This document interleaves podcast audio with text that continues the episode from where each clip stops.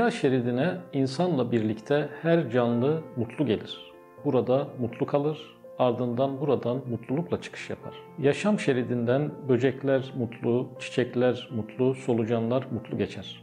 İnsan aynı şeritten inleye inleye, ağlaya ağlaya geçer. Yaşam yolunun her santimine gözyaşlarını bırakarak ilerler. İnsanın dünyadaki mutlulukları pek seyrek ve pek kısadır. Başındaki sorunlar ve dertlerse pek çoktur.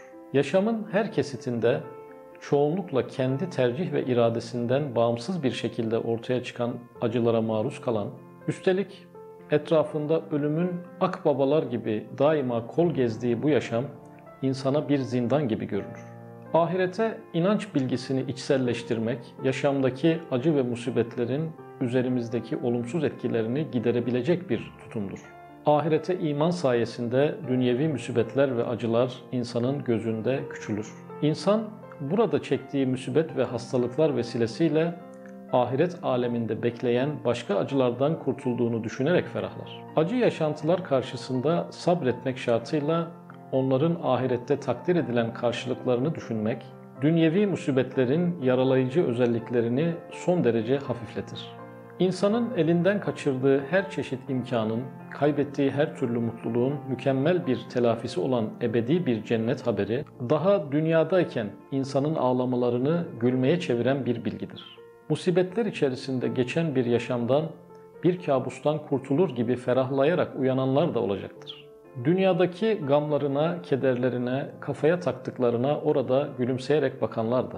İnsanın dünyada çokça acıları varsa da onu bekleyen sonsuz rahmete eriştiğinde o acıların değerli birer hatıra olmaktan başka bir vasfı kalmayacaktır. O halde yaşanmış dünya acılarının tümü yan yana toplansa, yıllar evvel görülmüş ve unutulmuş bir kabusun üzerimizdeki hatırlanmayan etkisi mesabesinde kalacaktır. Evet, zor yaşantıların tek tesellisidir ahirete iman. Keder ve endişeler ahirete imanın kuvvetine veya seviyesine göre büyük nispette ve bazen de tamamen diner.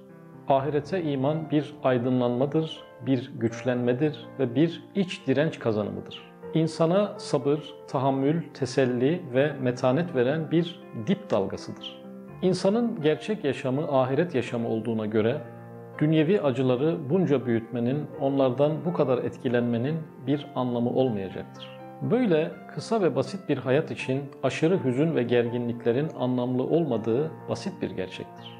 Kaybettiklerimizin, elimizden kaçırdıklarımızın sadaka ve iyilik hükmüne geçtikten sonra katlanarak, çoğaltılarak, bereketlendirilerek bize ikram edileceği yer ahiret alemleridir. Dünyadaki geçici meşakkatler vesilesiyle büyük ve daimi kazançların elde edildiği yer de yine ahiret alemleridir. Ahirete iman, dünya yaşamındaki kalp ve ruh dinginliğinin temel kaynaklarından biridir. Ahiret bilgisi insanın zihninin önüne sık sık konulmadıkça insan bu dünya gurbetine ve içindeki musibetlere katlanmakta elbette zorlanacaktır. Ahirete iman bir sığınak ve dünyanın sayısız acılarına karşı da bir teselli kaynağıdır. Bu sebeple insanın ahirete iman duygusunu kalbinde yeşertmeye çalışması fevkalade yararlıdır. Zira bu ruha, kalbe, akla ve diğer latifelere ana vatanlarını göstermek demektir. Ahirete tam ve içten bir şekilde inanmış birine göre bu geçici kısa vadeli engelleri atlamak bir oyuna, bir zevke dönüşür. Cennete doğru ilerlediği bilinen dünya hayatı insanı yormaz çünkü dinlenme yeri biraz ileridedir ve sonsuzdur. Dünya yaşamının asıl yaşam, buranın da asıl vatan olmadığı gerçeği özümsendikçe buradaki görevler kolaylaşır, sorumlulukların ağır yükü hafifler. Hakikatte bu engebeli yaşam yolu her gün daha azimle, daha gayretle meseleye ancak böyle bakılınca yürünebilir.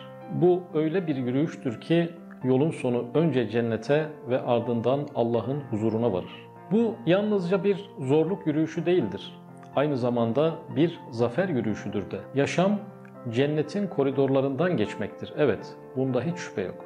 Fakat bu koridor yer yer daralır, yer yer karanlıklaşır, yer yer zorlaşır. Bazı yerlerinde tümsekler, bazı yerlerinde de dikenler vardır. Ama değil mi ki cennetin koridorudur, bu kısa yolculuğun en zor aşamalarında bile insanı mutlu eden pek çok taraf vardır. Konuyu bu açıdan kavramış bir insan başına gelen her şeyi hoş karşılar, her zorluğa sabreder ve imtihanların hepsini başarıyla geçer.